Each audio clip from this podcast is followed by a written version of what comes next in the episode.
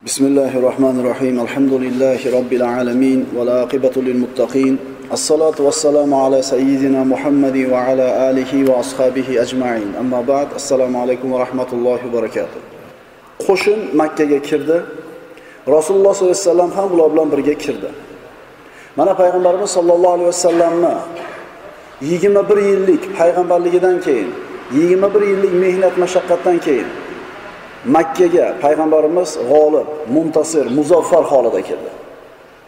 Qurash mushriklari payg'ambarimiz sollallohu alayhi vasallam 13 yil makkada yashagan bo'lsa u zot sollallohu alayhi vasallamga juda ko'p aziyat ozorlarni berishdi. O'zini yurtidan tug'ilib o'sgan joydan chiqib ketishlikka yurtini tashlashlikka majbur qilishgan edi. Mana endi rasulullohga aziyat yetkazgan mushriklar quraysh rasululloh sollallohu alayhi vasallam oldida taslim bo'ldi. Mana shuncha yillik jangu jadal mehnatlardan keyin payg'ambarimiz yengdi va g'olib bo'lgan holda makkaga kirib kelar ekan g'alaba va iftixor o'rni bo'lgan faxrlanib g'ururlanib kirishlik o'rni bo'lgan mana shunday bir holatda payg'ambarimiz kamtarlik bilan tavozu bilan kirib keldi. Alloh taologa hamd aytib alloh taoloning ne'matiga shukr keltirgan holda payg'ambarimiz sollallohu alayhi vasallam ulovini ustida o'tirib engashgan holatda kirib keldi. Shu darajada bir engashib hokisonligi bilan kirdiki soqollari mingan ulovni ustiga tegib turar edi. Vaholanki bunday bir buyuk g'alabaga yetishgan qo'mondon boshliq mag'lub bo'lgan qavm ichiga kirib kelar ekan qanday kirib keladi hammamiz yaxshi bilamiz. Payg'ambarimiz sallallohu alayhi vasallam bu g'alabani alloh taolodan bo'lganligi va allohga hamd aytgan holda mana shunday kirib keldi.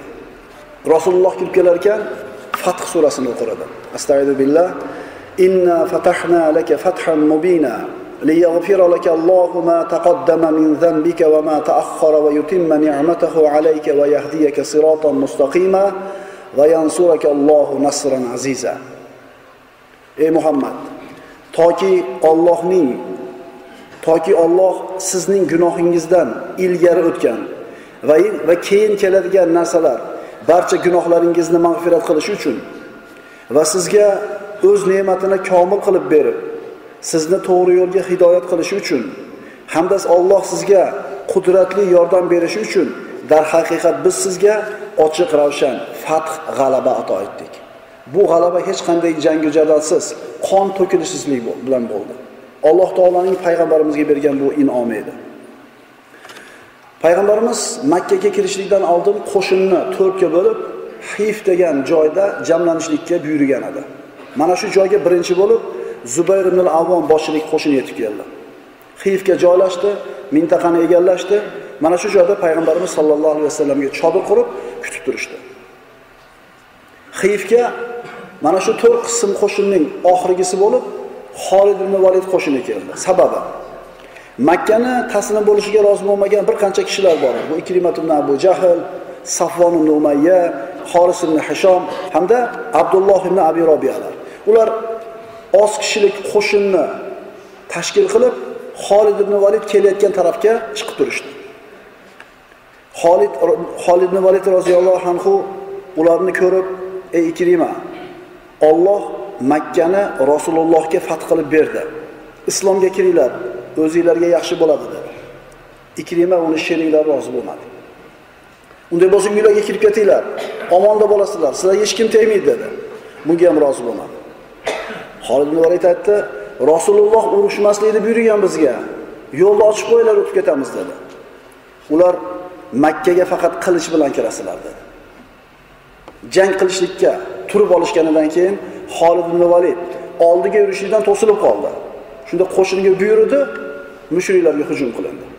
Qisqagina bo'lgan jangda Qurayshliklardan, mushriklardan 23 kishi halok bo'ldi, musulmonlardan birorta odam bu yerda vafot topmadi.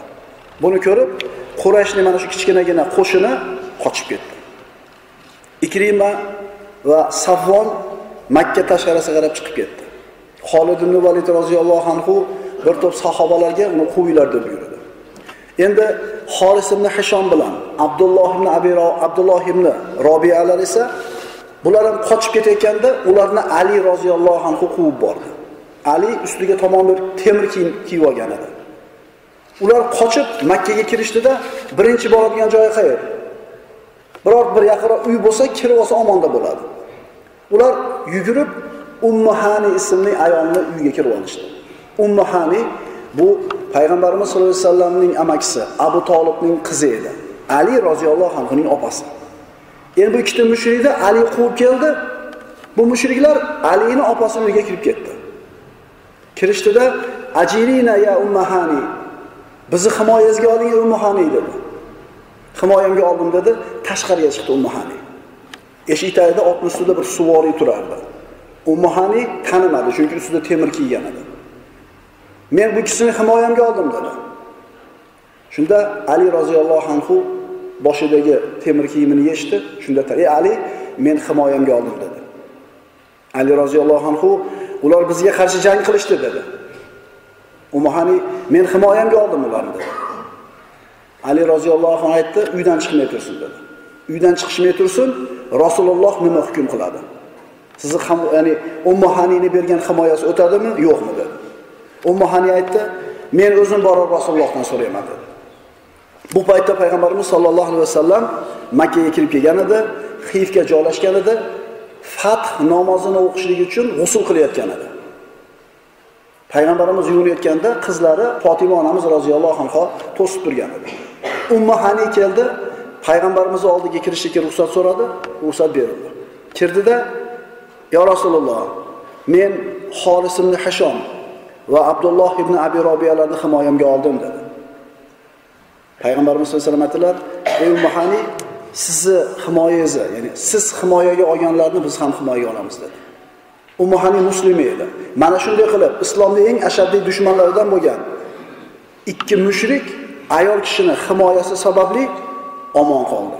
Islomni va payg'ambarimizni ayol kishiga ko'rsatgan hurmati, ikromi mana shunday bo'ldi. Mushrik ikkita mushrik tirik qoldi. Makkani fath qilish nihoyasiga yetdi. Xolid ibn Valid boshchilik oxirgi qo'shin ham Xiyfga kelib qo'shildi. Payg'ambarimiz Xolidni kech qolganligini va jang qilganligidan xabar topib, men sizlarga jang qilmanglar demaganmidim? Rasululloh yo'limizni to'sib olishdi. Ilojimiz bo'lmadi dedi. Payg'ambarimiz hech narsa demadi. Ikrimat ibn Abi Jahl qochib ketdi. Safvon ibn Umayya qochib ketdi. Payg'ambarimiz 10 kishini qonini halol qilgan edi. Mana o'tgan darsimizda aytdik, kim Abu Sufyonning uyiga kirsa omonda, kim masjidga kirsa omonda, kim o'zini uyiga kirib olsa omonda degan edi.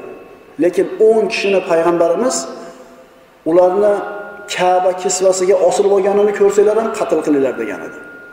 Ana shu qoni halol qilingan kishilardan Habbob ibn Asvad.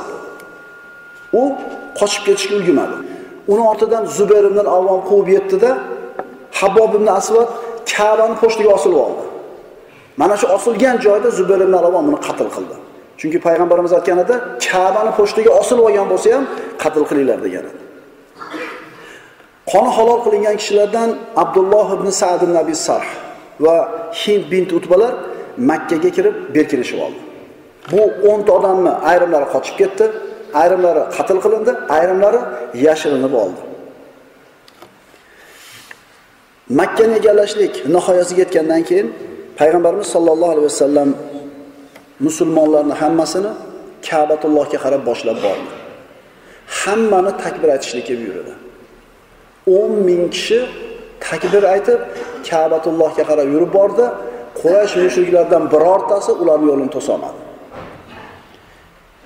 Payg'ambarimiz sollallohu alayhi vasallam da'vatni oshkor qilishlik Alloh tomonidan buyurilganida islomni qabul qilgan 40 ta qavmining sayyidlaridan bo'lgan 40 ta kishini ikki saf qilib tizib, bir safni oldiga Umar ibn Xattob, ikkinchi safning oldiga Hamza ibn Abdul Muttolibni qo'yib, o'rtada o'zi Ka'batullohga oshkora takbir aytgan holda da'vatni oshkor qilib chiqishgan edi. Eslaylik, Quraysh toshbo'ron qilib ularni kutib olgan edi. Ularni Ka'badan to'sishgan edi. Mana endi payg'ambarimiz 10 ming qo'shin bilan bordi. Endi birorta odam ularni yo'liga chiqishlikka jur'at qilmadi. Fath nihoyasiga yetganini ko'rib, ayrim Qurayshliklar jur'at qilib tashqariga chiqishdi. Tashqariga chiqqanlar orasida Abu Sufyon, Xoris ibn Hishom va boshqalar bor edi. Payg'ambarimiz sollallohu alayhi vasallam Ka'bani tavof qilishni boshladi. Tuyasini ustida tavof qildi, toki odamlar ko'rib ergashsin. Payg'ambarimiz tavof qilar ekan, u zotni kuzatib turgan mushriklar eshitishligi uchun Fath surasini baland ovoz bilan o'qiradi. Inna fatahna laka fathan mubina. To Muhammadur Rasululloh vallazina ma'ahu ashidda'u 'alal kuffar ruhama'u baynahum tarahum rukkan sujjadan yabtaguna fadlan minallohi va rizvana Mushriklar eshitib turardi. Payg'ambarimiz tavof qilar ekan tuyasini ustida. Qo'lidagi asoni har o'tganda Hajar asvodga tegizib, qo'li bilan o'sha asoni bir chekkasini o'pib qo'yardi. Mana shu narsa sunnat bo'ldi. Tavofni tugatgandan keyin Payg'ambarimiz sollallohu alayhi vasallam Zamzam qudug'iga bordida o'zi olib ichmadi. Sababi agar dedi Rasululloh odamlarni Zamzamni o'zlari olib ichishga urinishlari bo'lmaganda edi, o'zim borib Zamzamdan olib ichar edim. O'zim borib Zamzamdan olib ichar edim. Agar payg'ambarimiz o'zi olsa, o'zi qo'li bilan olib ichsa, shu ish ham sunnat bo'lib qolar edi va hamma quduqdan o'zi olib ichaman deb haris bo'lib, izdihom tiqilinch bo'lib ketar edi. Hojilarga suv berishlik, sug'orishlik bu Banu Hoshimning sharafi edi. Ey Abbos bizni suv bilan sug'oring dedi. Abbos ibn Abbos ibn Abdul Muttolib chaqirib kelishdi. Abbos ibn Abdul Muttolib payg'ambarimizga suv olib berdi. Suvni olib quyib berishlik Banu Hoshim urug'ini ishi edi. Agar dedi payg'ambarimiz, siqoya Banu Hoshim qo'lidan chiqib ketishidan xavotirda bo'lmaganimda o'zim qo'lim bilan ichar edim. Ey Abbos, bizga suv bering dedi. So'ngra payg'ambarimiz sollallohu alayhi vasallamga Abbos ibn Abdul Muttolib, "Ya Rasululloh, o'zingiz yuzga borasizmi?" dedi. Makkani fath qildi, o'zingiz borasizmi dedi. Hadicha onamiz roziyallohu anho bilan yashagan uyini nazarda tutyapti. Payg'ambarimiz hijrat qilganidan keyin qizlari keyin hijrat qildi. Rasulullohning uyida bir necha yil hech kim yashamadi. Shunda Abu tolibning o'g'li Aqil uyini sotib, pulni o'ziniki qilib olgan edi. Endi payg'ambarimiz aytyaptiki Aqil bizni uyimizni qoldirganmi deyapti. Rasululloh sollallohu alayhi vasallamning adolatini ko'ringki, Aqilni sotishga haqqi yo'q edi, lekin o'zini puliga olgan odamni payg'ambarimiz kuydirishni xohlamayaptimi? Adolatni ko'ring. Aqil bizni uyimizda qoldirdimi dedi. 19 kun Makka da turgan bo'lsa payg'ambarimiz fathdan keyin chodirda yashadi.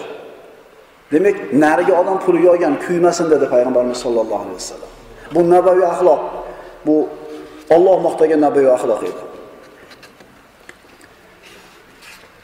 Payg'ambarimiz tavofni tugatganidan keyin Qurayshni hammasini to'plashlikka buyurdi. Quraysh hammasi tashqariga chiqdi. Ular yig'ilganlarida Payg'ambarimiz sollallohu alayhi vasallam Safoga ko'tarilib ulug' xutbasini o'qidi. Mana shu xutbasining asnosida Allohga hamd aytdi. Sano aytdi. O'ziga salovat aytdi. Shundan keyin johiliyat ishlarini zikr qilib, ularni hammasini bekor qildi. Ya'ni Qurayshni faxr deb sanagan, sharaf deb sanagan, obro' deb sanagan ishlarini hammasini bekor qildi. Endi hukm faqatgina islom hukmi bilan bo'ladi. Boshqaruv Allohning hukmi bilan bo'ladi. Shirkni, nohaq qon to'kishni bekor qildi. Va mana shu maqomda riboni harom qildi. Ribo Makka fathida harom qilindi. So'ngra aytdilar, johiliyatning hamma ishlari mening oyog'im ostida. Faqatgina siqoya va rifada qoladi dedi. Johiliyatda sharaf degan sanalgan ishlardan hammasi sharaf sanalgan ishlardan hammasi bekor, faqat hojilarga suv berishlik, Baytullohning xizmati mana shu sharaf qoladi. Boshqa sharafni hech qaysisi qolmadi. So'ngra payg'ambarimiz sollallohu alayhi vasallam o'zini mashhur so'zlarini aytdi. Qurayshni yig'di. Ma tazunnunna anni fa'ilun bikum. 21 yildan beri payg'ambarimizga asosiy dushman bo'lgan qurashni yig'ib turib, men sizlarni nima qilaman? Nima deb o'ylaysizlar? Payg'ambarimiz mag'lub bo'lib, mehnat mashaqqat chekkanda sabr qilgan edi. Mag'lubiyatga sabr qilgan edi payg'ambarimiz. Mana endi g'olib bo'ldi. Qo'lida muzaffar qilich turibdi. Intiqom olsa bir og'iz so'zi bilan bitta ishorasi bilan qurashni hammasini qirib tashlash mumkin. Payg'ambarimiz sollallohu alayhi vasallam endi g'olib bo'lgan holda men sizlarga qanday muomala qilaman? Nima deb o'ylaysizlar? dedi. Ular aytdilar siz karim birodarimizning karim farzandisiz dedi. Ahun karim ibn ahin karim dedi. Payg'ambarimiz boraveringlar sizlar ozodsizlar dedi. Bunday avf qilishlik bunday kechirishlik muhammad mustafa sollallohu alayhi vasallamga xos sifatidir insonlar bu narsaga inson mag'lubiyatga sabr qila oladi inson zaif bo'lganda nochor bo'lganda javob berishlikka quvvati bo'lmaganda sabr qila oladi endi quvvatga kirganda javob berish imkoniyati bo'lganda avf qilish kechirish g'alabaga sabr qilishlik hammani qo'lidan kela olmaydi. Payg'ambarimiz sallallohu alayhi vasallam mana shu joyda g'alabaga sabr qildi. Ishlar nihoyasiga yetdi. Shaharda bir tinchlik yoyildi. Odamlar ko'chaga chiqib bemalol yuradigan bo'ldi. Rasululloh sollallohu alayhi vasallam odamlar orasida yurar ekan fuzola ismli bir kishi rasulullohni o'ldirish niyatida hanjarini berkitib sekin payg'ambarimiz tomonga qarab yurib keldi. Uni payg'ambarimiz sallallohu alayhi vasallam ko'rdilarda nafsing senga nima deyapti ey fuzola dedi. Ya rasululloh ollohni zikr qilyapman istig'for aytyapman. Payg'ambarimiz niyatini bilib turuvdi. Payg'ambarimiz unga istag'firillah ya fuzola istig'for ayting. U istig'for aytdi. Istag'firillah ya fuzola dedi. Yana istig'for aytdi. So'ngra payg'ambarimiz uchinchi marta istag'firillah deyishdan avval qo'lini uni ko'ksiga qo'ydida istag'firillah dedi. Keyin u istig'for aytdi. Payg'ambarimiz qo'lini oldi. Fuzol aytadi. Rasululloh qo'lini ko'ksimga qo'ymasidan avval dunyoda men eng yomon ko'rgan odam rasululloh edi. Endi qo'lini meni ko'ksimdan olgandan keyin men uchun dunyodagi eng sevimli odam rasululloh sollallohu alayhi vasallam bo'lib qoldi. Rasulullohning mo'jizalaridan kabani atrofida odamlar tavof qildi odamlar namoz o'qidi zikrda bo'ldi. Payg'ambarimiz ularni orasida aylanib yurar ekan abu sufyan o'tirib o'ylanar edi. Garchi makkani tashqarisiga chiqib kalimani izhor qilgani bilan hali islom o'rnashmagan edi. Abu sufyan o'tirib endi fikr qilyapti birovga gapirmayapti o'ylanyapti makka taslim bo'ldi. Qurash yengildi endi. Nima qilaman? Nahotki berib qo'yaman makkani? Qanday qilib yana qurashni ko'tarishim mumkin? Kimlardan borib yordam so'rasam ekan qaysi qabilaga borib bir yalinsam ekan qaysi qabiladan yordam so'rasam ekan musulmonlarga qarshi qo'shin tayyorlash fikrida turganida kimnidir qo'li kelib tushdi yelkasiga. Shunday qaraganda payg'ambarimiz sollallohu alayhi vasallam qo'li edi payg'ambarimiz unga qaradida agar unday qilsang ey abu sufyon olloh seni xor qiladi deb o'tib ketdi. Abu sufyon bu ishdan dahshatga tushdi. Qanday qilib meni niyatimni bildi? Qanday qilib ichimdagi narsani angladi shundan keyin utob ibn usayd horis ibn hishom abu sufyon uchalasi o'tirishgan edi. Payg'ambarimiz sollallohu alayhi vasallam namoz vaqti bo'lganda bilolga ozon ayting deb buyurdi. Kabani ustiga chiqib bilol ozon aytyapti. Bu uchta kishi bilolni ozon aytayotganini ko'rib alam qilishdi. Utob aytdi. Bu qulni kabani ustida ozon aytganini ko'rsatmasdan otam usaydni olloh aziz qilibdi dedi. Ya'ni otamni olloh jonini olib bu qulni ozon aytganini ko'rsatmay hurmat qilib qo'yibdi dedi. Shunda xoris aytdi. Bu qora qulni kabani ustida ozon aytganini ko'rsatmasdan jonini olib olloh otam hishomni aziz qilibdi dedi. Deyishdida abu sufyonga qarashdi. Abu sufyon ham nima deyish kerak hozir? Nimadir deyish kerak. U aytdiki u sukut saqladi. Ularni gapini qaytarmadi. Rasululloh bilan bo'lgan ishidan keyin binasa degani ham qo'rqib qoldi.